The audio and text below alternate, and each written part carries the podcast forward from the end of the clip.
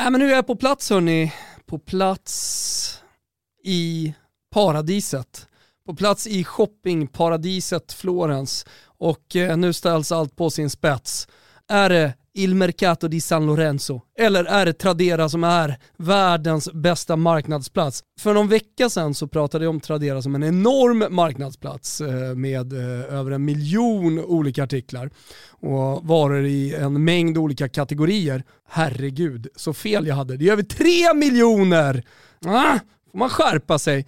Hörni, jag älskar marknader. Jag älskar marknadsplatser, jag älskar att strosa runt i dem oavsett om det är en basar i Istanbul som jag en gång var på eller om det är Il Mercato di San Lorenzo i Florens. Alltså det stora, maffiga, härliga där man vet att man kan fynda, man kan hitta någonting unikt. Förutom det så gillar jag liksom vintagebutiker, alltså man kan hitta unika kläder. Det är himmelriket för mig och jag vet att många som lyssnar på det här, det är himmelriket för er också. Vi står inför en jul, vi härjar runt i massa olika butiker. Nej, din totala julklappshandel, dessutom miljövänlig, bättre pris och säkert, ja, det är kort och gott helt jäkla fantastiskt. Det är Tradera för alla oss som älskar att shoppa. Visst, nu är Florens, jag strosar runt här, det har sin charm. Men jag vet att det kommer sluta med när jag köper alla mina julklappar och när jag shoppar framöver också, nu när jag kommit in i himmelriket som är Tradera, ja, då är valet av marknadsplats väldigt enkelt för mig. Över 3 miljoner varor, Lego himmelrike, vintagebutiken Tradera.com. Och ni tveka inte, bli en del av Tradera även du. Tradera.com är det som gäller, inte bara inför julruschen, utan året runt. Vi säger stort tack för att ni är med i Toto Balotto.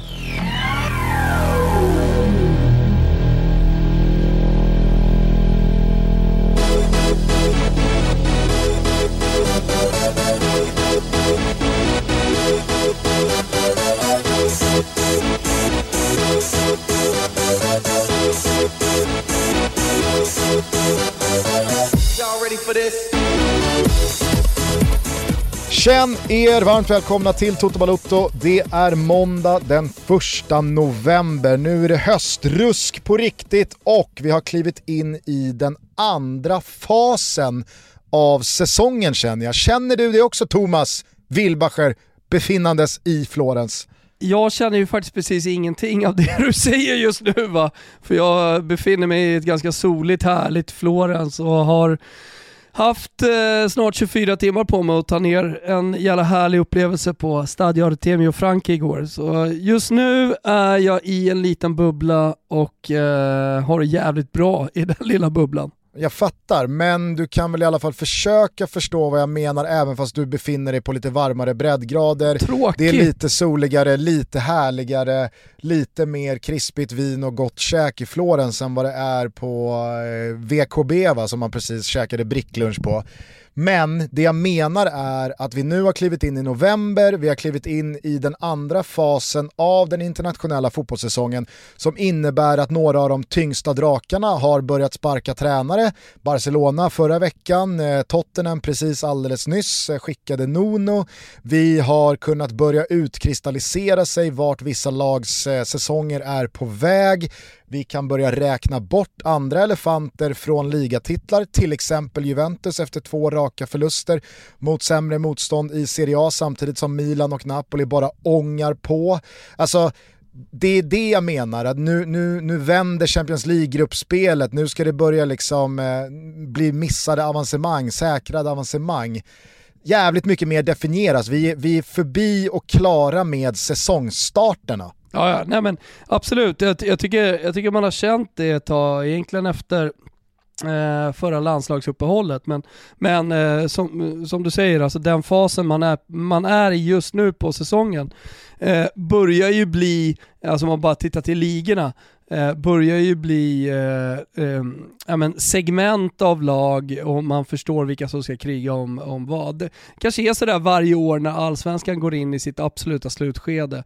Ja, men då, då har den internationella säsongen satt sig lite. Man, man förstår också eh, lite vilka som kommer bli säsongens spelare, eh, vilka spelare som flyger, vilka nyförvärv som har funkat och inte funkat. Tänker på Sergio Ramos till exempel i, i PSG, det pratas om att riva, eh, riva hans kontrakt nu. Jag menar i somras pratade vi om erfarenhet som kom in i PSG och hur bra det kunde bli eh, om man eh, tittade till eh, liksom övriga backuppsättningen.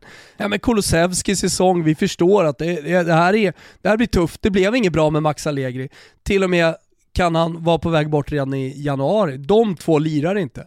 Eh, många sådana enskilda situationer eh, tycker jag. Eh, Dusan Vlahovic, ja vad händer där egentligen? Ja det är stökigt, vi pratade om det här för någon vecka sedan. Men helvete vilken nia det, det är om man ska ändå ta min upplevelse igår eh, till eh, ja, men något slags brett perspektiv och där alla är intresserade. Eh, där, där jag tänker att det kan, eh, det kan ersätta svepet eh, detta måndagstoto i och med att vi har haft en rörig uppladdning till det här avsnittet. Du var, tvungen att, nej, men du var tvungen att checka in ditt handbagage eftersom det var fullt i uh, lådorna på, på flyget. Och så kom givetvis den väskan bort och vi har gått och väntat på att den ska ja, men, återansluta till dig i Florens eh, och vi har inte riktigt kunnat eh, veta när vi ska få till det här avsnittet. Således så har det inte riktigt eh, funnits läge för ett svep här heller. Så att, då är det väl perfekt att du kan ersätta det med eh, upplevelsen av att vara tillbaka på Artemio Franki efter, eh, det måste väl vara en två år? Ja exakt, det är ju två år eh, sen jag var där senast. Det var precis innan pandemin, skulle tillbaka i, för ett år sedan men eh, då ställde den jag tror att det var andra vågen ställde till det den gången, eh, men nu jävlar, nu är vi här. Nej men det kan vi absolut göra, eh, och, och, som sagt, eh, det finns ett intresse säkert från många som lyssnar på den här podden till eh, de bästa spelarna. Eh, och eh, jag tänkte sätta Dusan Vlahovic i lite perspektiv efter det jag såg igår självklart sett eh, hela förra säsongen, du också och många som lyssnar på det här, liksom vet ju att det är en jävligt bra spelare men eh, om bara något år, eh, om vi inte redan gör det, så kommer ju även Premier League-publiken förmodligen eh, också prata om eh, Dusan Vlahovic som en av de absolut bästa niorna. Och alltså den uppvisningen jag står för igår, du vet ju när man ser saker live, brukar återkomma till det också när man har varit på plats. Alltså helvete vilken bra spelare. Och började, men det är ju först när man ser spelare och lag live, det är ju då man verkligen kan göra sin slutgiltiga bedömning. För det finns ju ja. vissa element och vissa procent som försvinner genom tv-rutan. Ja men det tycker jag verkligen. Uh, jag kommer ihåg när vi var och kollade på Alexander Isak uh, i baskderbyt som uh, återupprepade sig igår. Mm. Nej men vi, vi, vi, såg ju det och, och då förstår man ju också spelares storhet i en stad till exempel. hur, han tas emot, hur spelare tas emot av publiken, det kan vara små nyanser, det man, dels det man hör såklart om man pratar med folk, men, men, men också under matchen när spelare rör bollen, det går ett sus genom publiken. Eh, laguppställningen ropas ut, eh, numera är det väl på alla jävla internationella arenor att man eh, säger förnamnet och så ropar publiken efternamnet. Jävla satyg kan jag tycka. Det ska bara DJ Decibel pyssla med nere i Neapel. Ingen annan. Ja, det är min liksom tydliga Den som verkligen inte skulle ha pysslat med det, det var ju spiken på Bern Arena i Örebro förra veckan när eh, Örebro torskade hemma mot Degerfors och mer eller mindre blev klara för superettan. Då leder ju Degerfors med 2-0 när Örebro får in en sen reducering på tilläggstid 1-2. Då är det ju inte läge för spiken att liksom fyra gånger upprepa förnamnet för att få publiken att skrika ut efternamnet. Man, ah, man måste alltså. ha bättre fingertoppskänsla i det läget. Ja, men det, det kan jag ju bara säga som en liten eh, eh parentes då, eh, kring eh, Dusan Vlahovic, att när hans namn ropas ut igår så buar ju folk för eh, ja, den situationen som han har satt sig i, absolut. Ja, och då undrar man ju hur det utvecklades under 90 minuter och tre mål senare. Ja men det är det som är så jävla märkligt liksom. Eh, och tråkigt och tragiskt någonstans att eh, den moderna fotbollen är som den är. Alltså det blir ännu mer tydligt att man håller på tröjan, klubbemblemet eh, och i det klubbemblemet som finns historia, det finns tårar och det finns eh, jävla, en jävla massa glädje. Beroende på, såklart på vilket lag man håller på. Det finns ju de klubbemblem som är besudlade med bara sorg. Men, eh, men, nej, men det, det, det är ju det det handlar om, stoltheten av att representera en stad som supporter. Alltså du håller, du håller, håller inte bara på klubben utan du håller på hela jävla staden eller ett område eller vad det nu är. Så det, det, det tycker jag blir mer och mer tydligt, eller man, man får som supporter till ett lag i alla fall påminna sig om det eh, allt oftare. Eh, det var lättare att idolisera, det var lättare att älska spelare. Jag går in i varje säsong med alla nyförvärv, även befintliga spelare med en ganska sval inställning till just spelaren. För man har blivit så jävla besviken så många gånger genom, eh, genom åren, de senaste 15-20 åren. Så eh, alltså, jag orkar inte engagera mig längre i, i spelare. Jag orkar inte engagera mig i vad Dusan Vlahovic framtid ska vara. Eh, prata om hur kan vi maximera liksom, försäljningen här, vad är bra för oss, hur kan vi få upp priset ytterligare 10-20 miljoner. Helt ointresserad av det. Utan då blir det istället att det, det är eh, det här klubb, klubbemblemet som är så laddat med, med en, en massa känslor. Det är det enda som betyder någonting i slutändan. Men så det jublades när han smällde in eh, mål efter mål där eller? Ja men alltså folk jublar ju för att Fiorentina gör mål. jublar inte för att Dusan Vlahovic har gjort mål. Eh, och han... Nej men det kanske fanns någon sån här dämpad ambivalens. Ja men eh, det, det, finns en sorg såklart. Det, det finns, finns ett vrede som inte var lika påtagligt igår i och med att han gör tre mål. Då, då, då blir vreden snarare till eh, sorg och, och att det, det, är en ganska tråkig, tragisk situation som liksom, vi befinner oss i. Många minns ju hur det var. Eh, man har svårt att gå vidare från att liksom, spelare kunde kunde ändå vara kvar en tid. Alltså nu, nu, det har också gått ner i åldrarna. Eh, succé för en spelare kunde kanske i alla fall vara en 3-4 år innan de gick till en, en, en stor klubb. Man kunde förlänga med den befintliga klubben. Om vi då tar liksom klubbar av Fiorentinas storlek lite grann och det spelar ingen roll vilket land vi är i. Eh, så, Fast så jag tycker ändå att, eh, jag tycker nog ändå att Fiorentina har någon slags särställning här. Inte bara i Italien utan kanske faktiskt i hela fotbollseuropa. För att Alltså min upplevelse av Fiorentina som liksom lindansarklubb mellan då provins och big. Alltså man är större än ett provinslag men man är inte och tävlar med de riktigt stora man lagen. Man vinner ju aldrig från... några jävla titlar ju för fan. Så det nej, men, nej men det är det jag menar, och man, man, har inte, man har liksom inte titeltyngden i historien, men framförallt så har man ju till skillnad från många, många klubbar, inte bara då i Italien utan även i, i Europa, fått fram extrema spelare, inte minst då anfallare, eller i alla fall offensiva poängproducerande spelare som har svikit klubben gång efter gång efter gång efter gång. Och jag vet inte vad du säger, du kan ju svara på det här mycket bättre än vad jag kan. Men jag är väl inte fel ute när jag säger att det känns som att Fiorentina leder någon slags jävla lidande liga eh, alltså gentemot sina supportrar som måste tvingas se superanfallstalang och megalöfte efter superanfallstalang och megalöfte lämna för både rivaler, större uppgifter och ja, kanske då liksom vända ryggen till klubben som har eh, både lyft upp dem, fått fram dem, utvecklat dem och eh, ja, gett dem den här karriären hittills. Nej men för eh, Dusan Vlahovic, även om han är serb så kom han ju tidigt som ungdomsproffs till Fiorentina så de har ju definitivt gjort honom eh, till en seniorspelare och den spelaren han är idag. Eh, och full, full cred såklart då till Eh, eh, hans, hans eh, serbiska klubb som han kom från tidigare, vad det nu var för någon klubb, kommer jag inte ens ihåg. Men eh, du har Bernardeschi också, fostrad i Fiorentina, du har Federico Chiesa från Settignano till Fiorentina och sen fostrad i klubben. Eh, och, och det, Bernardeschi, Chiesa, eh, Vlahovic, det, det, är alltid nutid. Eh, så absolut, och som du säger, alltså den utvecklingen, ah, Bernardeschi, ja nu är han i alla fall, nu gick båda till Juventus och Vlahovic ryktas till Juventus. Eh, så, så ja men och det... där och då när Bernardeschi lämnade så visste man ju inte det man kanske känner idag. Utan då var det ju mycket mer eh, känsligt. Han är ju ändå eh, landslag än vad man kanske och liksom spelar. tänker i retro. Ja, precis. Men sen så tänker jag också att alltså så här, min generation, man är ju uppvuxen med en relation Fiorentina, Juventus, då, Roberto Baggio, det sveket. Eh, Battistuta lämnar till slut Fiorentina för Roma.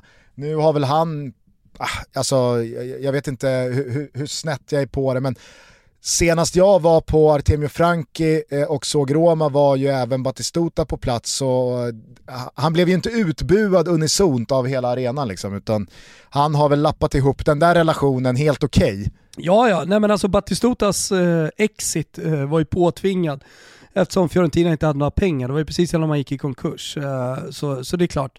Eh, han hade många bud under hela 90-talet som han Eh, nekade, alltså likt eh, stora bandierer eh, nekat eh, övergångar tidigare, större pengar och, och chans att vinna, gjorde ju även Batistuta. Så att, eh, och efter karriären eh, så har han ju liksom eh, delvis också bott i staden och väldigt starkt band till klubben och så vidare.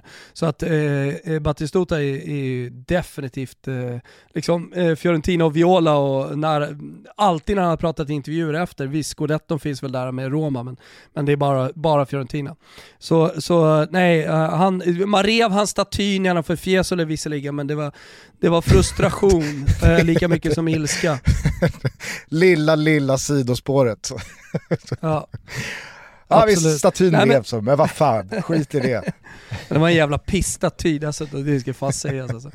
Eh, men, jo, men kanske eh, är det så, så, att det här blev liksom Fiorentinas lott i fotbollslivet. Att en otroligt fin klubb från en enormt liksom vacker stad som har sin plats i ja, men, eh, den, den, mänskliga historien och den lila tröjan och liljan, ja, men, liksom renässansen i, i, i DNA.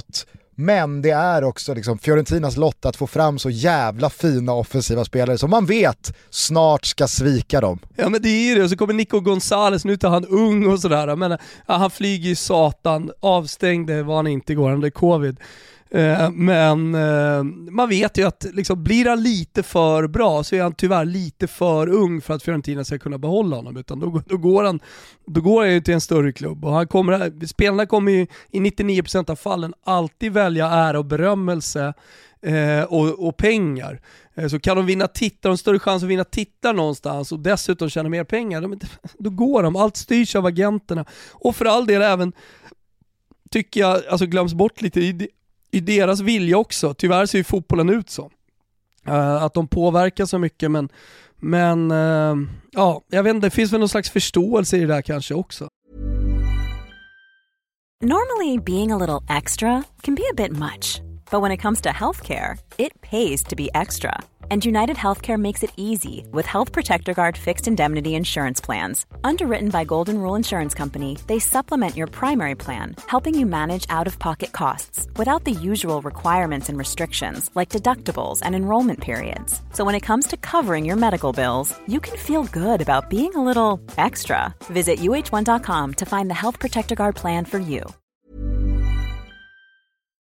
Hur som helst så var han ju, eh, var han ju brutal igår och alltså Eh, nu, nu har jag ju följt Fiorentina, inte under 80-talet, det var liksom 90-tal och, och framåt. Och, eh, de enda spelarna som jag har sett födas i Fiorentina, eh, offensiva spelare som har fötts i Fiorentina, kanske generellt sett, som har varit på samma nivå, det är ju Batistuta och Roberto Baggio. Det, det, det, finns ju inga andra spelare som har varit nära Dusan Vlahovic enorma talang. Och eh, det, det, säger faktiskt en del för det har passerat några eh, ruskiga spelare. Eh, så tror att eh, Vlahovic säkerligen, alltså de som tar honom nu, eh, de, de, har en, de har en anfallare som är precis bakom hålan. Men jag såg lite siffror igår också, jag vet inte om ni tog upp det i Fotbollssöndag Europa, men men han, han, är ju, han är ju liksom på samma siffror som, ja men du vet, Kurt Hamrin var en gång i tiden. Eh, jämför man hans senaste kalenderår så är det bara Haaland och Lewandowski som har gjort fler mål. Eh, då spelar han ju dessutom, det ska man ju också komma ihåg, alltså han spelar i Fiorentina. Han har inte Bayern München-uppbackningen. Eh, Okej, okay, Dortmund kanske inte riktigt ska jämföras då, eh, men det är i alla fall ett bättre lag och en bättre uppbackning än vad, Fiorenti äh, än vad Dusan Vlahovic har haft i Fiorentina. För man får inte glömma bort att han hade fucking Beppe Jacchini som coach förra året.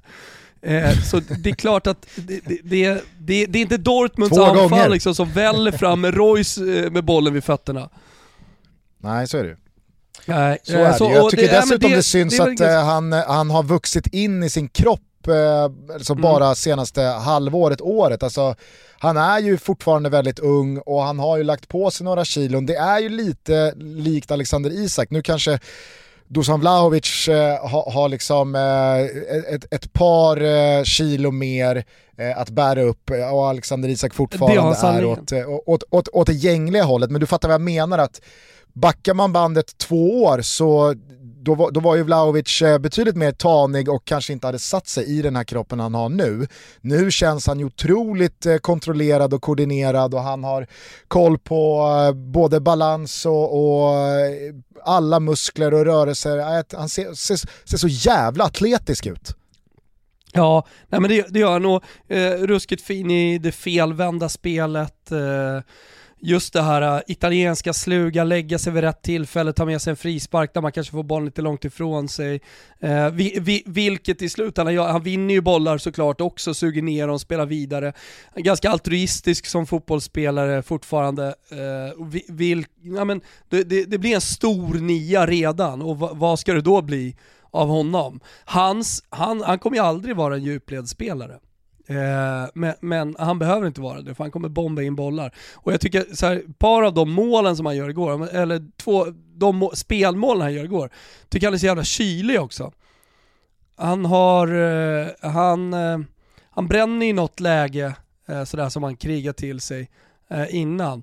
Men, men man, man, man, kan, man, kan lita, man kan lita på honom. Alltså för, för ju tankarna tillbaka till Luca Toni som var 32 år och extremt jävla erfaren. Alltså det tog, det, det, tog en hel karriär för Luca Toni att bli så, en så bra avslutare egentligen som Dusan Vlahovic. Sen håller jag i och för sig fortfarande Luca Toni kanske lite bättre på huvudet äh, än, än äh, Dusan. Men äh, ja, ja, det, det blir väl någon så här känslomässigt sval hyllning detta. men jag tror att alla hör vad jag säger när jag placerar honom där jag placerar honom bland talanger som har kommit fram och även i fotbollseuropa här och nu som, som nia. När ni tänker på Lavazza, vad tänker ni på då? Bryggkaffe kanske? Ni kanske tänker på en cappuccino nere på Il Bar. Och någon som har varit i Italien nyligen, jag vet att folk har börjat resa igen, kanske har suttit på en piazza i Florens och njutit av en god espresso från Lavazza. Ja, de har onekligen kaffe för alla smaker. Alla olika sorter såklart. Eh, jag älskar Lavazza Qualità Rossa med lite chokladtoner, lite nötigt. Mm, ja men ni hör ju, det är så gott så. Det alla inte känner till, det är att de nu också finns som kapslar. Jaje Buxingen, Lavazzas kaffekapslar, de är kompatibla med Nespressos originalmaskiner. Det är en perfekt balans mellan en äkta italiensk espresso och Lavazzas ständigt pågående engagemang kring hållbarhet. Ja men där har ni hört oss prata om tidigare. Det är i en aluminiumkapsel noll koldioxidutsläpp. Lavazza är såklart inte anslutna till Nespresso, men jag vet att det är många som har de maskinerna hemma, därför säger jag det. Just nu så har vi ett unikt erbjudande bara framtaget till er. Om ni inte har testat Lavazzas nya kapslar, ja då ska ni såklart göra det nu med vår kod TOTO20. Gå in på Delitea, D-L-I-T-E-A, Delitea och klicka hem eh, kanske Qualitarossa eller ert favorit Lavazza kaffe. Koden är TOTO20. Den är aktiv mellan den 28 oktober och den 10 november, så passa på hörni. Vi säger stort tack till Lavazza.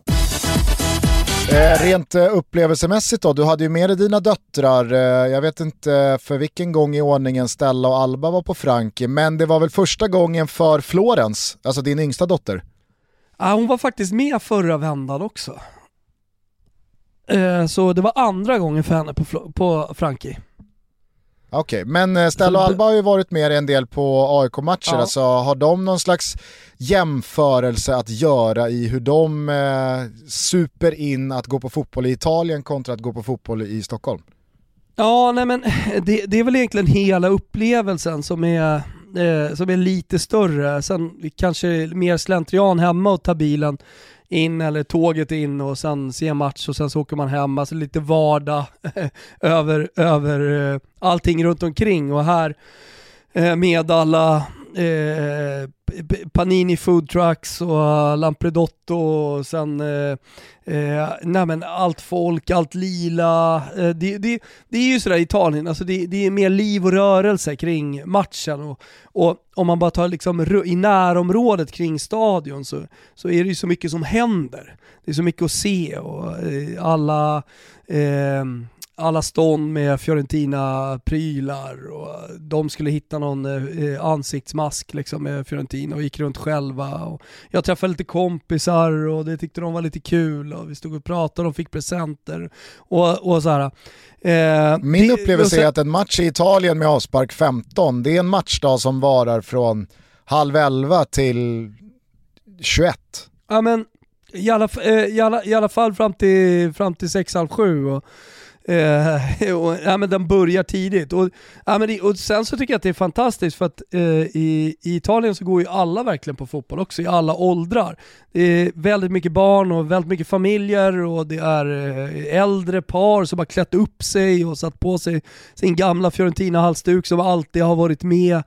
Nu satt ju vi på, i, tribun, i tribunerna på långsidan sådär. Mycket, ja, men så folk, folk är eleganta och stiliga, men sen så när matchen börjar så lever ju alla sig in i matchen på ett sätt som inte är fitta kuk, eh, domare och, och sådär. Som jag upplever är mycket mer hemma i Sverige. Mycket mer hets, mycket mer svordomar och mycket mer hat än, eh, än på en sån här match.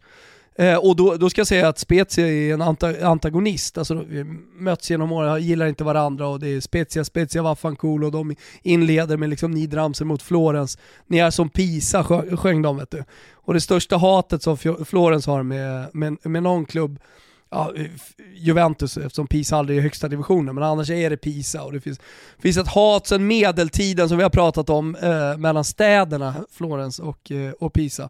Och, och då, då körde de bara CT come la Pisa, come la Pisa och då vart ju folk vansinniga. Men eh, på, på, eh, runt läktarplats, det är liksom folk vänder sig om och pratar och eh, bildar små grupper och eh, det, någon ropar rakt ut och eh, det är, någon säger något kul så 50 pers runt om som har hört det garvar och mycket sarkasm och ironi och, och sådär.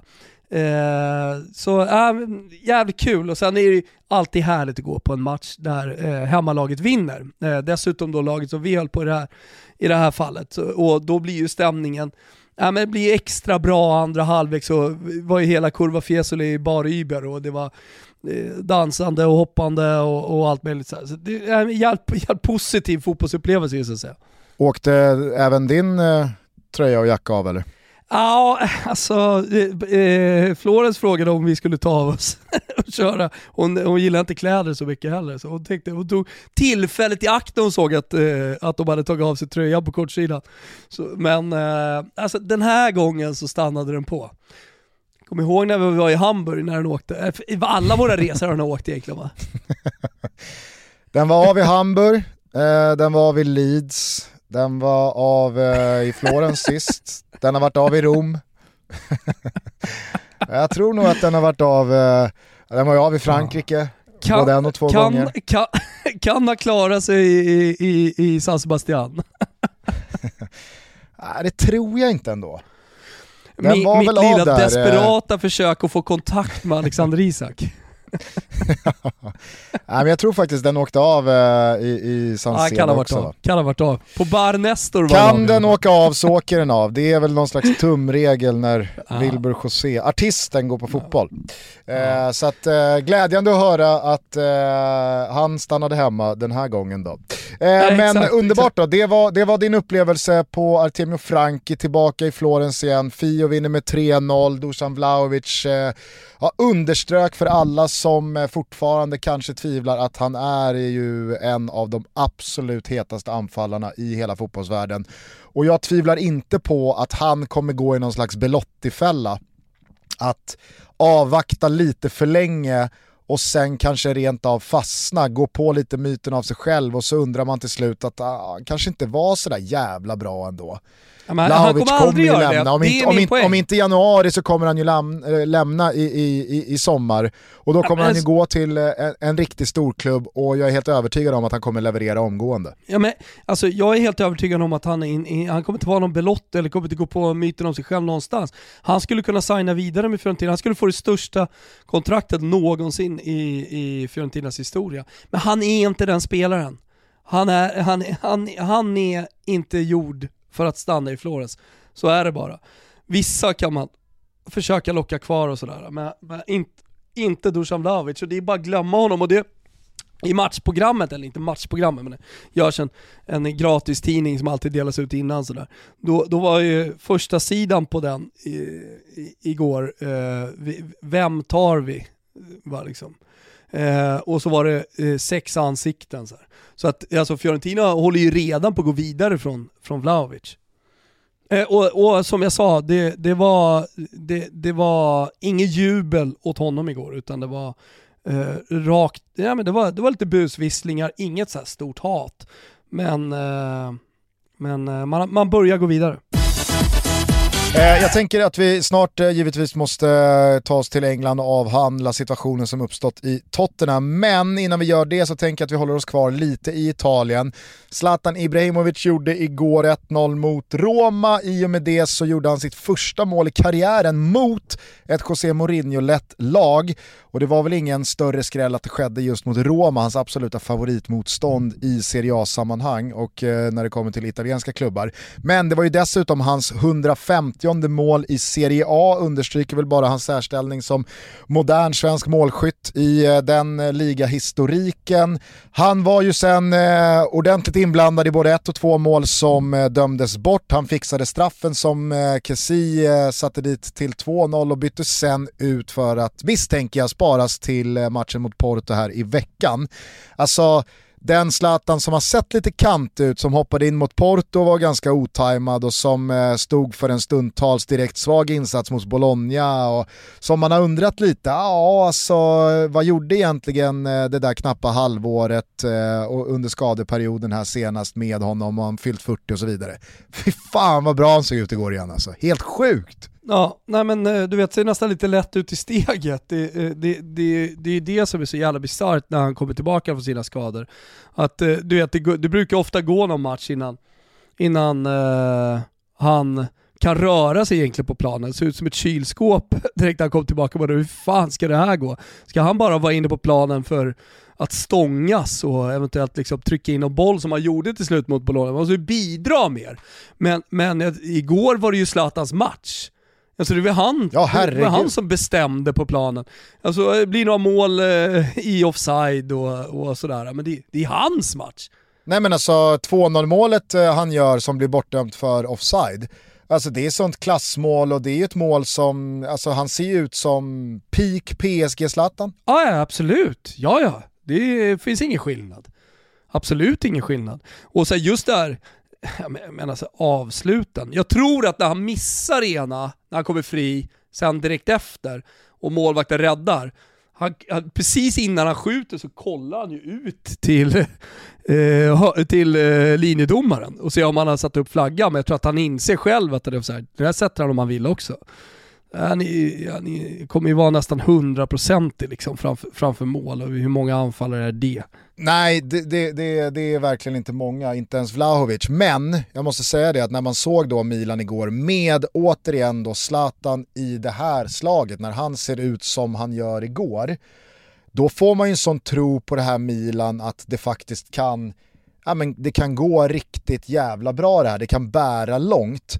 För att med, med, med den Zlatan längst fram och när man då får tillbaka några av sina tyngsta nyckelspelare som har varit borta i både skador och covid och avstängningar och det ena med det tredje. Och Tatarusano kan liksom eh, mota Olle i grind och, och, och freda sitt mål där längst bak. Alltså jag, jag, jag tittar på övrig tabell och det är liksom så här, visst, eh, Inter hänger ju på och nu möts de i derbyt på, på söndag. Eh, men skulle Milan vinna den matchen, ja då är det 10 poäng ner till Inter. Alltså, då, då känns det som att då är det Milan och Napoli som slåss om det här. För Juventus är väl bara att haka av nu, 15 poäng. Ja. Nej men alltså, Inter får ju, eh, får ju bita ihop alltså, om, om, om de ska hänga med här. Problemet för Inter eh, och eventuellt något annat lag, nej det är väl bara Inter. Problemet för Inter, jag tar om det här Kim. Problemet för Inter i det här läget är att jag tror inte att jag tror inte Napoli-Milan kommer tappa så mycket. När fick de sin första svacka egentligen?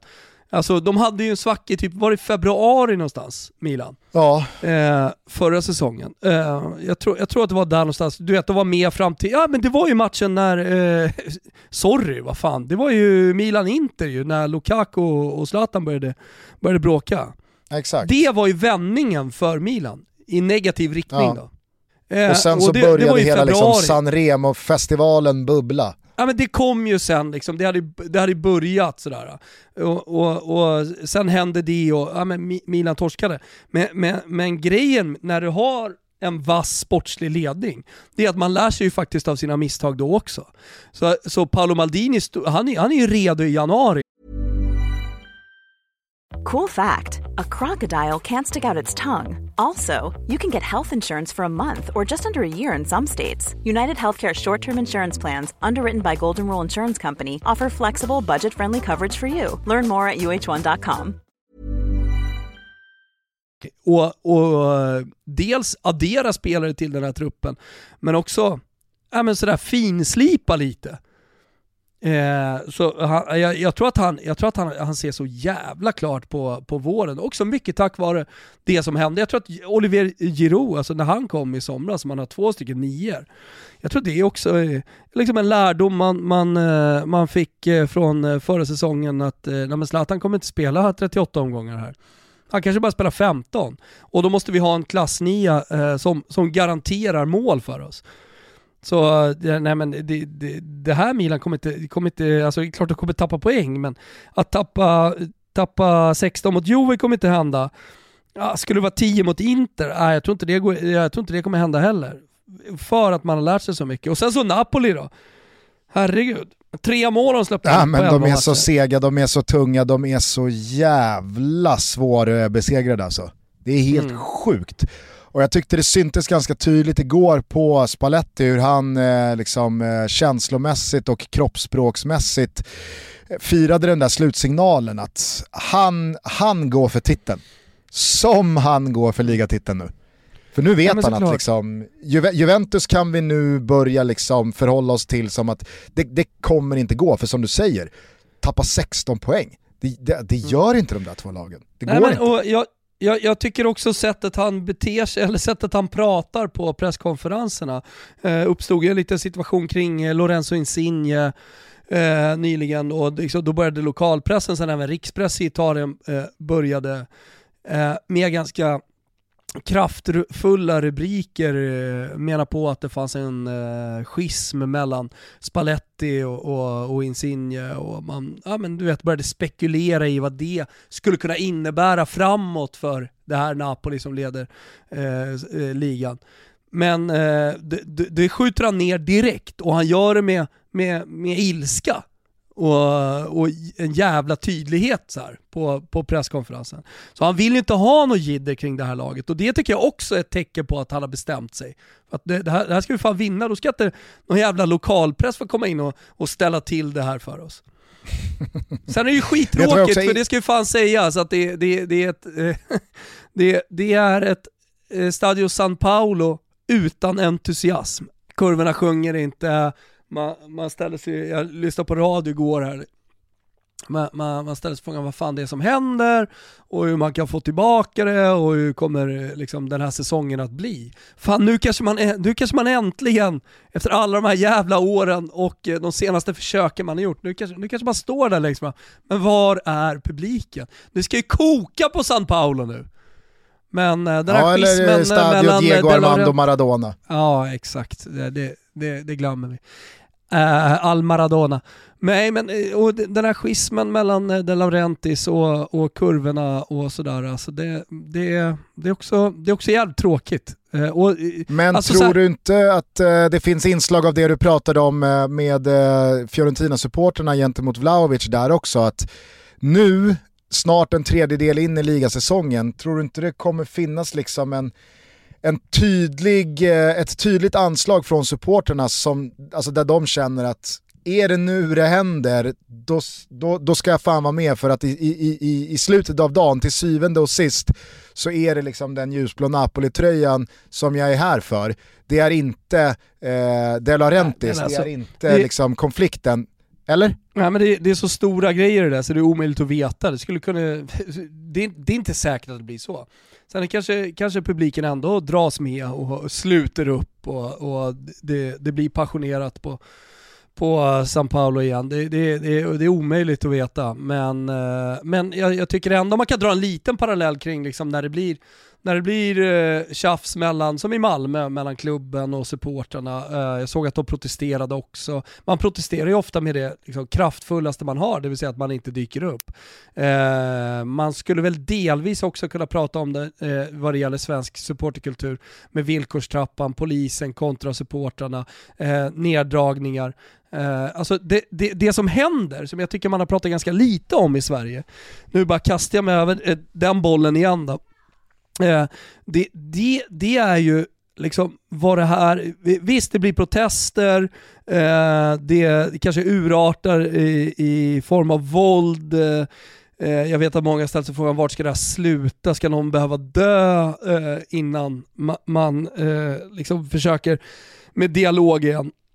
Men, men det jag vet från eh, Italien, det är ju att det, det, den, det här kriget som just nu pågår mellan supportrarna och polisen i Sverige, det kommer urholka passionen. Folk kommer inte orka. När du börjar riskera Eh, håller, håller en begal så riskerar du tre år och du, det som händer Malmö-supportrarna, eh, att de kommer hem, du kanske tappar, förlorar ditt jobb. Och, eh, jag menar, du börjar prata om ditt liv och din framtid. När, när, när riskerna blir så pass stora, då, då riskerar man att ta bort eh, väldigt mycket av den passion som finns.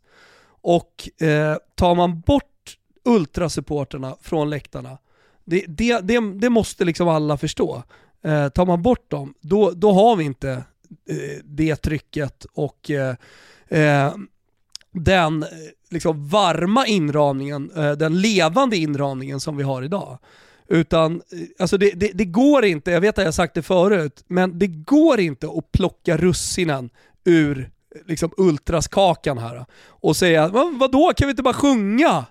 Och måste vi elda? Måste vi sjunga hatramsor? Kan vi inte bara liksom eh, höja på laget? Och så vidare, och så vidare, och så vidare. Alltså det kommer aldrig hända. Då är det dött. Och det tycker jag man ser, alltså om jag ska jämföra Frankie idag jämfört med 2003, när jag köpte mitt första årskort. Alltså det trycket i Serie B hemma mot Messina, det, det, det, det är borta. Och det är borta för all framtid. Och det är borttaget tack vare att man eh, började med elektroniska vändkors 2008. Alltså, nu hårdrar jag det dit, men alla förstår vad jag menar. Alltså, det, det, det, och dit är vi på väg i Sverige. Bara så alla fattar det. Vi är på väg dit. Vi kommer tappa passionen. Folk kommer inte vilja riskera. Och då, då, kommer folk ställa sig frågan varför inte lika bra tryck nu här 2028 som det var eh, 20, eh, 2019? Vad fan har hänt egentligen? Ja, men det, det kommer sakta dö. Jag ser den exakt samma utveckling hända i Sverige som har, som har hänt i Italien. Sen är det fortfarande bra, det är inte så att jag inte har trevligt liksom. Den är både glasklar och idag också dystopisk din eh, spåkula. Ja, ja men det, det är det verkligen. Jag, vet, jag, jag återkommer till det men, men eh, jag, jag, tror helt ärligt att de flesta som lyssnar på den här podcasten inte förstår vilken jävla dyster framtid vi går till mötes i svensk supporterkultur, tyvärr. Och fan, full jävla cred och alla snitslar som finns ska, som bankas ut till alla som står emot och alla som fortsätter, trots de risker som finns, att, eh, att eh, stötta lag och vara med eh, alltid oavsett. Alltså det, det, det, utan, utan dem så kan vi lägga ner allsvenskan. Här i Italien finns i alla fall lite bra fotboll att kolla på och det kan väl vara trevligt titt som tätt. Eh, jag vill gärna ha några eh, motargument där eller någon annan slags prognos som, eh, som pekar på det motsatta men, men jag känner inte riktigt att jag, jag har det. Så jag, jag, jag, får nog ta plats Nej, på, på ditt dystopiska tåg där. Ja, kanske men Jag vet inte, jag tror som du att eh, hur länge orkar man det? Det är väl fullt naturligt och mänskligt också att man blir avtrubbad, att eh, man tappar i geist, att man inte orkar hur länge som helst. Så det, det, det, är väl fullt rimligt också. Eh, skitsamma, jag tänkte bara eh, kort sy ihop den här säcken. Eh, jag vet inte hur vi hamnade här från eh, Milans eh, potentiella minuter. titelstrid. Jag skulle bara vilja säga det att det slog mig nu när vi pratade om Milans förmodade scudetto-jakt här resten av säsongen att om de skulle torska mot Porto här i veckan i Champions League så är det sån jävla blessing in disguise. Det som först kan tyckas då vara ett fiaskoartat Champions League-gruppspel, fyra förluster, noll poäng och Milan tillbaka i Champions League efter sju långa år och det här var sättet man dök upp i turneringen på igen. Ja, Fast den där fjärdeplatsen tror jag är så jävla mycket mer att föredra framför tredjeplatsen för just Milan sett till det tabelläge man skaffat sig i Serie A. För tredjeplatsen innebär Europa League-spel och det vet vi hur mycket det kostade för just Milan i våras när det parallellt skulle liksom jaga scudetto samtidigt som det skulle spelas mot, eh, det var väl både Röda Stjärnan och Lill och Manchester United och, ja men alltså det, det, det, är väl klart att det sliter liksom och så slutar det med ingenting. Det blev varken hackat eller malet. Man åker i någon kvartsfinal eller semifinal i Europa League och så tappar man de där poängen, ett par spelare kanske behöver eh, roteras bort och det är någon som går sönder här och Alltså jag, jag, jag tror att, eh, jag, jag, säger inte att liksom, Milanisti behöver sitta och hoppas på torsk mot Porto, men jag tror att i liksom, eh, nästa steg, om man, om man tänker på det ett varv till, så är ju en fjärde plats mycket bättre för Milans eh, återstod av säsongen än en tredje plats. Äh, jag är mycket beredd att hålla med på det. det, det, det de har inte truppen heller riktigt att slåss på två håll. Eh, och ja, ja, det, det, finns ju bara en sak i Milans värld, alltså det, det är att vinna titlar. Så att eh, skulle man kunna komma tillbaka till det, speciellt så här som Inter vann förra året och bröt Juventus eh, svit.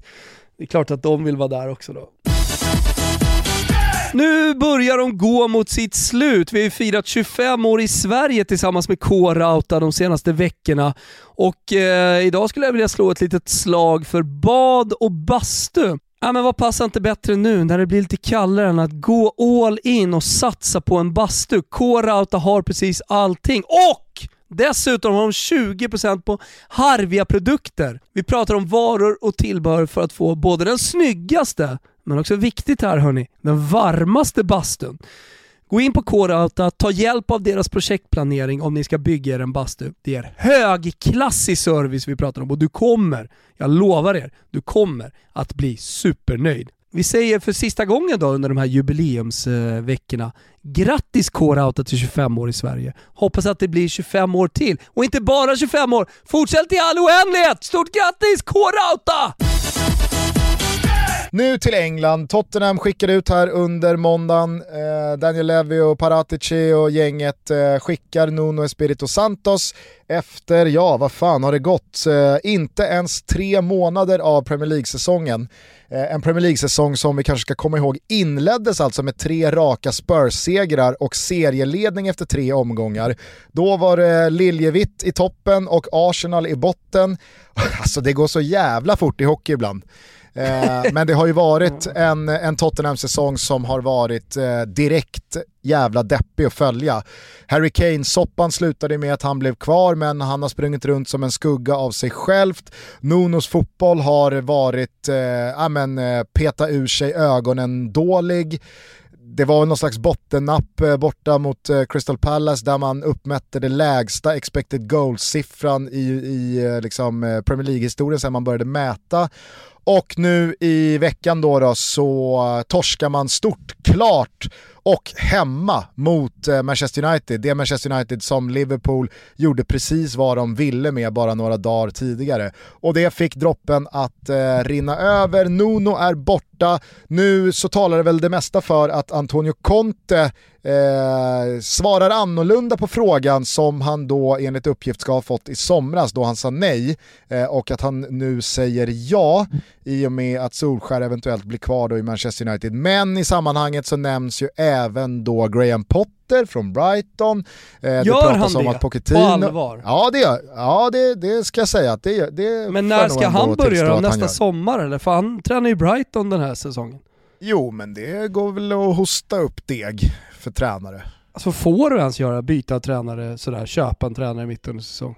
Ja, det, det måste ju ske ett slags byte i något, i, i något slags läge så att säga. Du kan ju inte bara liksom, byta lag i den elfte omgången. Det tror jag inte ens du får. Ja, eller, eller, eller så är Vadå, vi på en plats komma, där kan tränare... Kan du komma på någon tränare som har bytt, uh, bytt lag, alltså så här, blivit utan att fått sparken från det andra laget under säsong? Hmm. Hmm. Jag tror inte ens du får hmm. göra det, om jag ska vara ärlig. Så då är det ju sommar typ. Jag tror, så här, bryter med ett lag så, jag tror till och med det finns någon slags regel, fan vad skönt det är att bara ligga i Florens och gissa här. Men, men, jag måste ändå protestera lite för att jag har magkänsla av att det inte går. Jag kan inte komma på någon, någon som har gjort det heller. Ja, nu sitter väl eh, alla våra hundratusentals lyssnare på svaret. Så vi, vi låter väl dem veta bäst och twittra in då. Fan alltså, det, det, bara, det bara snurrar i skallen. Eh, vem som skulle kunna ha liksom rivit upp sitt kontrakt och, och, och lämnat under, under Nej, det finns ingen. Det är det som är problemet. Jag tror inte du får. Brendan Rodgers? Plockade inte Leicester honom från Celtic utan att han fick sparken? Är det så att man gräver fram ett korrekt svar sådär bara på volley? Nej jag vet inte, jag garderar mig för att jag liga. kan ha fel. Det är från en annan liga också. Visst. Det kanske det är. Det är väl ja, en jävla det, skillnad. Ja. Graham Potter nämns i alla fall i diskussionen. Det pratas också om att Mauricio Pochettino faktiskt skulle kunna tänka sig att eh, släppa PSG-projektet och återvända till den klubb han har pratat så varmt om sen han lämnade och han har pratat om att de har unfinished business och så vidare tillsammans. Eh, det snackas ju även lite Paolo Fonseca, men jag tror, om jag nu ska dela ut ett tips till Spurs, Levi och Paratic, att lägg ner portugisspåret här ett tag. Det kan vara klokt. ja, sen är det Pochettino, alltså, så här, jag, tror, jag, jag tror inte på honom i PSG. Jag vet inte vad det är. Jag trodde inte på honom från början. Han ska vara i typ Spurs, eller kanske bara ska bli one club manager som Ferguson i Spurs. Jag, jag, jag gillar inte Pochettino speciellt mycket heller. Tycker inte, tycker ja, men framförallt så är väl känslan att, som jag var inne på, liksom. har, han har ju pratat så jävla varmt om Spurs hela vägen. Alltså, våra vägar ska korsas igen och någon gång kommer jag, jag tillbaka. Dit då? Maxa ur det laget. Det lilla ja, skitlaget. Jo, alltså... Maxa ur där, allt, allt han har där. Men vad tror du det skulle innebära om det nu blir Conte då, som vi ändå får hålla som ganska tydlig eh, första favorit här till eh, gigget? Äh, alltså, du kan inte käka på en 100 euro restaurang med en 10 euro sedel Gugge. Alltså det, det, går inte. Och Conte, han, han vill bara gå på Guide Michelin-krogarna. Du vet, han vill bara ha det bästa, han vill vinna titlar. Så ja, jag vet inte fan. Vad ska han i Spurs göra? Så känner jag. Jag tänker att liksom så här, om, om Paratici tar dit honom, ja men då har de väl ändå liksom en, en, eh, en synkad take på vad det är som ska göras. Så det finns ju kapital att jo, hämta inledningsvis ja, men om Harry du frågar Kane. vad jag tror liksom. Jo men skaffar man sig inte en 100 euro-sedel då om man säljer Harry Kane? Uh, nej men alltså problem, problem med Conte var ju att han var förbannad för att Lukaku skulle säljas ju från Inter så löste ju inte det så med Dzeko och med Korea och man ställde ett jävligt bra lag på, på banan när säsongen började. Men, men bara han hörde att Lukaku skulle säljas så blev ju han vansinnig. Mm. Förr, eller, förr eller senare så, alltså Tottenham kommer ju alltid vara en 50 euro restaurang. Det kommer aldrig vara 100 euro och Conte vill ha 100 euro. Så jag menar så här, visst i början kanske det kan flyga och det, det kan funka och han kan göra, avsluta säsongen bra med, med Spurs. Sen kommer det där jävla sommarfönstret och Conte ska börja bråka om att han får för lite pengar och för dåliga spelare. Det, det, så, är, så har han ju alltid varit. Från Juventus Det kanske bara är så att Graham Potter är det bästa alternativet. Jag vet inte, är han, ens, är han ens ett bra alternativ? Det vet jag inte. Alltså jag förstår att han är en bra tränare och han har gjort eh, det jättebra med, med, med Brighton och tidigare, men jag vet inte. Alltså jag, jag, jag blev så jävla imponerad återigen av Potters liksom, fotboll och hur hans lag ser ut i lördags när jag kollade på Liverpool-Brighton. Liverpool bara liksom rusar över dem, Eh, nu har ju Brighton ett jätteläge bara några minuter in i matchen och tar ledningen, men sen så vänder spelet, eh, Jordan Henderson gör 1-0 och man fyller på med 2-0 och Mané får 3-0 bortdömt och det känns bara som att äh, men Liverpool är helt ostoppbara, det går liksom inte att stå emot dem, det är bara att inse att vissa lag får man liksom bara försöka hålla nere siffrorna och så går man vidare med livet och så försöker man vinna nästa match istället. Men den där jävens lag alltså, de bara fortsätter tro på det, de tar tag i bollen och de hittar sina trianglar och de eh, börjar närma sig sista tredjedelen och de hittar kombinationsspel och de hittar in i boxen, de hittar avslut och de får in ett mål och de börjar tro på det och det är liksom, det är inga konstigheter. Spelare för spelare så är det ett skämt vilken jävla kvalitetsskillnad det är. Vissa spelare springer runt och vem är det där? Vem fan är det där? Och han spelar fotboll mot några av de absolut högst skattade spelarna i världen och de ser bättre ut än vad de gör. Och 2-2 både hänger i luften och kommer välförtjänt och när 2-2 kommer då är det Brighton som går för segern. Alltså det är inte Klopp då som kan stå på linjen och vrida och vända och trycka på någon knapp och få Liverpool att liksom agera annorlunda utan det är, det är Potter som har bara, han har tagit den där matchen från Liverpool, från Klopp, från Anfield, från The Cop och gjort den till sin. För att hans jävla lag spelar en fotboll som är, he- det, det, det är helt oemotståndligt alltså. Ja, nej men eh, alltså jag, jag hör vad du säger och när, när jag raljerar lite eh, kring eh, Graham Potter och eh, är, är, är han så bra så, så är det ju mer liksom, är han rätt för, för Spurs? Är, är det tränaren liksom, eh, som ska vara där? För de måste, ju, de måste ju hitta rätt nu efter Pochettino. Alltså de, de, de, de, de behöver ju, precis som många andra klubbar, men, men eh, hitta en långsiktig lösning som, som man tror på och som man har tålamod med. Är han, är, Ja, men, är han men, men helt, som... helt ärligt, helt ärligt alltså, jag, jag, kan, jag kan låta liksom för pro-Potter här. Men jag undrar om Graham Potter är en mismatch med någon. Ja, jag, jag, jag, hör, jag fattar. Men så sa man ju om Pochettino eh, väl också. Eh, en, eh, en tränare eh, som bygger lag långsiktigt och som spelar en bra fotboll och, och sådär. Men det funkar inte i PSG. Jag tror inte det kommer göra det. Nej, Nej, kanske inte för Pochettino, här, men Graham sätt Potter, Potter, sätt alltså, Potter gör ju i PSG. sätt Potter i PSG, då är det över. Alltså då är det Ja. game over, då Jo. behöver vi inte ens spela Champions League kommande fyra åren. Ja, jag fattar. Okej. Ja, ja. Nej men fan jag omfamnar det. Jag hoppas att du, du får rätt. Hoppas att han kommer till Spurs. Ja, hoppas vi att får väl se vad som händer med, med, eh, med, med Spurs i alla fall. Det är återigen bara att konstatera att det går jävligt fort i den här branschen och att det som eh, känns och ser ut på ett visst sätt bara för några månader sedan kan sluta helt annorlunda när matcherna spelats och bara några få veckor ynka månader gått.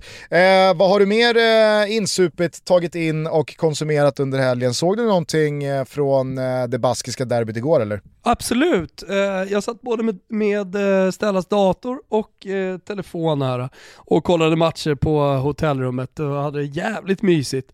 Fan, eh, det, och det, det är kul när man har varit på en match, alltså man kände ju den där stämningen som ändå gick ut genom skärmen, eh, för det tror jag, tror jag nog många kände. Baskderbyt, det, det vänskapliga baskderbyt är ju faktiskt väldigt speciellt och det blir bra tryck. Ja, när man har varit på en sån match också, då, då, då är det på något sätt som man Mm, man känner extra mycket och sen så då Alexander Isak, vi minns ju hur det gick när vi var där. Eh, succé, eh, stående ovationer eh, och så vidare. En stora stjärna så fick han göra mål igår igen. Ja, men en härlig match. Mm. Ja, det var ett ruskigt tryck på läktaren och alltså Ja. när de efter eh, 1-0 målet där alla vänder sig om och hoppar bara i, i eh, armkrok eller armarna över varandra. Alltså det är... Sen är man inte bortskämd med, med, med den stämningen från vare sig eh, Anoeta eller speciellt många andra spanska arenor många gånger. Men det är så jävla nice när det lever upp så där och det blir ett grinigt derby och som du är inne på, det, det, är, liksom, det är någon slags vänskaplig touch över hela sammanhanget. Men igår märkte man ju att ja, men Athletic Club pallar ju fan inte se Real Sociedad befästa någon serieledning och Real Sociedad vet att ja, men med det här läget så har vi en jättechans, kanske inte att gå hela vägen och vinna vinna ligatiteln, men i alla fall ta den där Champions League-platsen som skulle vara liksom nästa steg i deras utveckling under Alguacil och den generation spelare de har fått fram och den truppen de besitter. Så det, det, var ju verkligen liksom höga insatser och det small och det var glidtacklingar och det var tjafs och det, ja, men man kände verkligen att fan det här är en match som är, som är uppumpad på, på nästa nivå. Ja men verkligen, eh, superhärlig match. Varmt tips till eh, alla som undrar var de ska åka i Europa och se matcher som kanske inte är de självklara matcherna nu när man börjar kunna resa igen. Fan åk till San Sebastian, se ett baskderby. Det, det ska fan upp där, det är absolut inte eh, som någon slags topp 5-upplevelse kanske, men eller det beror ju på i och för sig vad man, vad man söker. Vill ha god mat, härlig stad, vågorna i Biscayabukten eh, som liksom bara som bara väller in på stranden i San Sebastian. Och, äh, men fan, det, det, det är en stor fotbollsupplevelse, men inte bara. Från den eh, allsvenska helgen och guldstriden så tar man ju såklart med sig Malmö FFs vändning borta mot Sirius på Studenternas. Colak hoppar in, kvitterar, trycker in 3-2 på tilläggstid. Alltså, vilket, alltså, är inte det där ett guldmål? Du vet fan vad ett guldmål är alltså. Nu Nej, jag... är det såklart ett par matcher och jävla massa poäng kvar att spela om, men det kändes verkligen som när Colak tryckte in den där bollen att ja, där var det, där var guldmålet. Ja, nej men det, det föll sig så pass bra här nu med resa och, och allting som hände, trots att det, det, det är ett jävla show att liksom få med sig alla barn och, och ta sig mellan gater och hit och dit. Att jag, att jag faktiskt såg sista 30 minuterna på den här matchen. Vilken rock'n'roll-fotboll det var. Så jävla vad det vände ja. och smällde. Och, Även om Malmö kom tillbaka kvitterade så hade ju Sirius alltså, mer eller mindre öppet mål, för visst var det precis efter att Malmö hade kvitterat? Mm det var stökigt framför, framför mål, jag får mig att det var det i alla fall. Men, men, men det, det, var en match som hade kunnat sluta precis hur som helst. De matcherna ska också ha vunnits när du summerar en, eh, en guldsäsong. Och, nej, jag, tyckte, jag tyckte det var väldigt mycket guldsmak över, över hela matchen faktiskt. Och även fast man inte ska räkna bort Elfsborg, det har man ju lärt sig den här säsongen inte minst, så kändes det som att på samma sätt som att Malmö bedrev en riktig så guldmatch eh, i Uppsala, så var det ju raka motsatsen för Elfsborg i Norrköping när man då går från en välförtjänt ledning tidigt in i matchen och man har det där ledningen som, som gör att om man bara liksom håller i den ett tag till så kommer ytorna komma och man har visat hur otroligt mm. skickliga man är på omställningsspelet och kontringsspelet. Men så tar Simon Strand det där röda kortet som, fy fan vad det hängde i luften alltså. Och där vänder ju hela matchen och, och alltså ger man Rickard Norlings Norrköping över en timme med en man mer och uddamålsunderläge, ja men då kommer de inte förlora den matchen. Så skicklig är ju han på att identifiera vad det är som, alltså han, han predikar ju det tålamodet som krävs, han vet ju att man måste sätta fart på bollen, att man måste få Elfsborg att jobba och det är precis det som händer, alltså när tvåan kommer då känner man ju bara att de, de kommer trycka in vinstmålet också och så får Elfsborg Fredrik Holst utvisad på det. Alltså det var ju så här dubbel, trippel smäll för Elfsborg. Det kändes som att, ja, som sagt, det, det är för tajt i den där toppen och Elfsborg har bråkat sig in i den där guldstriden förut igen. Men Fan vilken käftsmäll de åkte på. Samtidigt då Nej, men... som Djurgården gräver fram en 1-0 mot Örestjärt ja. och liksom, eh, på något sätt tar sig ur den här helgen som vinnare. Nej men precis, även om det bara är tre poäng upp till Malmö så räknar jag bort Elfsborg eh, från, det är bara fyra omgångar kvar efter det här. De, de, de tar inte igen tre poäng på Malmö på de här sista fyra omgångarna. Precis som om AIK inte vinner mot Halmstad idag, då är det över för dem också. En poäng där, de har 48, oj det är bara tre poäng bakom Malmö. Nej, det, då är det kört. Då räknar jag bort dem. Då är det Malmö eller Djurgården med, med Malmö som favorit. Ja, det är en uh, infernaliskt spännande guldstrid vi har i Allsvenskan. Det har vi sagt ett par gånger nu men det tåls att sägas igen. Jag är dessutom lite jävla ovan fortfarande med att Allsvenskan håller på hela vägen in i december numera. Alltså det brukar ju vara den här helgen som Allsvenskan avgörs. Första ja, helgen i november, det, det, är då allsvenskan har gått i mål tidigare. Men sen så kom mm. pandemin och man sköt upp allting och man drog ut på spelschemat och det har hängt kvar. Och ja, jag vet inte om det är det här man ska vänja sig vid. Det är, det, det är lite härligt, men eh, jag vet inte, all förändring är inte bra. Nej, men eh, vadå, nästa år så ska ju väl eh, Qatar-VM dra igång i november någonstans va? Exakt. exakt. Ja, så kan man att, äh, spela. Återstår väl att se hur uh, spelschemat ligger då. Ja, jo, exakt. Jag menar bara, det är väl kanske ingenting vi behöver vänja oss vid eftersom det kanske redan är ändring redan nästa säsong. Så. På tal om Qatar-VM, Janne tar ut eh, sista VM-kvaltruppen för hösten imorgon tisdag. Vi hoppas väl och tror att eh, Zlatan kommer vara med. Eh, det ja. är ju som ni vet för det här laget, Jorgen borta först, eh, Spanien borta avslutningsvis. Fyra poäng räcker för gruppseger och en direktplats till fotbolls-VM nästa år. Fan vad eh, det börjar bli lite pirrigt nu va? Och jag ser så jävla mycket fram emot den här kvällen när Sverige har tagit tre poäng borta mot eh, Georgien, Zlatan har liksom visat sin kraft och bara bänka mig framför Grekland, Spanien. För jag jobbar Grekland där alltså, de är, de är, de är fan luriga grekerna. De kan ta en mm. pinne mot, eh, mot Spanien där, då, då är det klart vet du. Så jag, jag så innan vi börjar prata om Spanien-matchen så, så vill jag bara fokusera på Georgien borta, Grekland, Spanien. Trupputtagning imorgon alltså, då drar även den fjärde gruppspelsrundan av Champions League igång. Vi öppnar Champions League-studion redan klockan 18.00 i och med att Malmö spelar hemma mot Chelsea 18.45. På onsdag så startar vi sen 18.30, snackar i en kort studio upp eh, Milans match mot eh, Porto innan vi fortsätter den kvällen hela vägen fram till midnatt. Så att eh, var med oss på Simor och Telia, där streamar ni samtliga matcher från den här turneringen och via telia.se sport eller simor.se sport så kan ni införskaffa det abonnemang som passar just er plånbok och fotbollspreferens allra bäst. Gör det så ses vi förhoppningsvis i rutan redan imorgon. Och på tal om Champions League Gusten, eh, vi är ju starka på spelet va i Champions League, kommer in med, med, med styrka här nu inför tisdag och onsdag. Eh, så vi kör en tisdagstrippel och en onsdagstrippel. Eh, ni hittar dem under godbitar, boostade odds eh, på Betsson. Vi ska göra jobbet hela vägen in.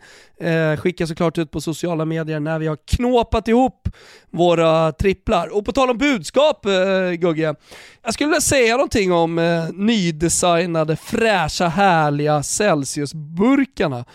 Vad sägs om Blood Orange, vad sägs om Frozen Berry, Peach Vibe? Fy fan. Alltså italienarna vet ingenting. Jag gick in i närmsta snabbköp här nere i Italien och tänkte skulle ta med en, eh, ta med en Celsius eh, när du vet, barnen hade krånglat lite, man hade varit på match och man ville pigga upp sig lite, få en härlig krispig Celsius. Tänkte på den här peach vibe, men eh, äh, ni får utöka Celsius, ni får liksom ta över den italienska marknaden så jag hittar det även här. Hur som helst, eh, nu när det är höst och alltihopa, glöm inte bort, drick Celsius nydesignade fina burkar. Och sen skulle jag bara avslutningsvis vilja pusha för den tävling vi har tillsammans med Lavazza som eh, går live imorgon på Instagram. Det är jättefina priser i potten om man alltså har chans att vinna en exklusiv kaffemaskin och Lavazzas nya aluminiumkapslar. Ni som inte har testat dem, gör det. Qualita Rossa på aluminiumkapsel. Tänk vilken jävla grej va, få oss en espresso hemma.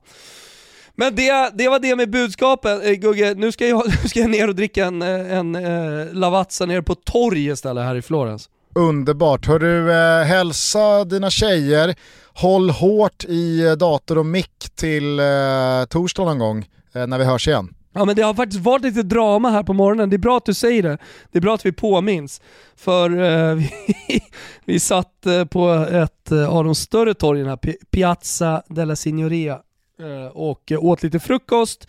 Eh, och min Stella hon är blivit så stor nu så hon är handväska och så har hon hängt den över stolen. Och det är någonting man inte ska göra när man åker till Barcelona eller San Sebastian eller Florens eller Rom eller vad man nu åker så är det ju att hänga sin väska över stolen. Givetvis borta. Och ingen hade sett någonting. Naivt. Eh, Naiva exakt. Stella. Men, Ångar på till, där nere. Ja, men, men till min stora glädje Eh, Eh, så Chi fick tjuvarna, det låg 5 euro. Hon har inte börjat använda sin handväska så som man ska än. Hon hade, hon hade 5 euro där i. Inga airpods, de låg kvar på rummet, telefonen hade hon i handen. Så eh, gotta er med det eh, tjuvar. Har ni 5 euro och, och Exakt, tur i oturen.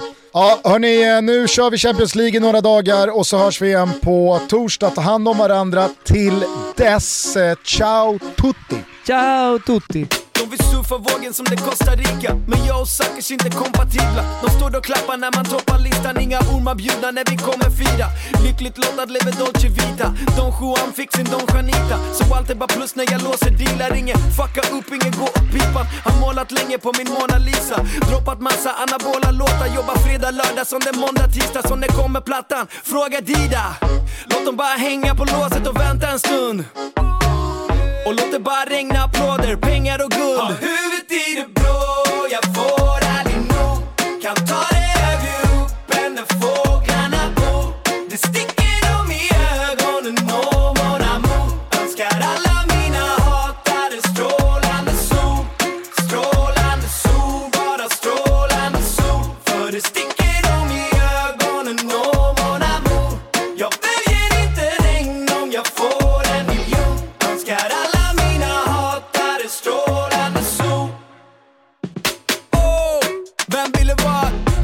vägen med tända bengaler. Ring, ring, ring, ring the alarm. Högre, Tinneså vänder sig graven. Lägger bars i oändliga rader.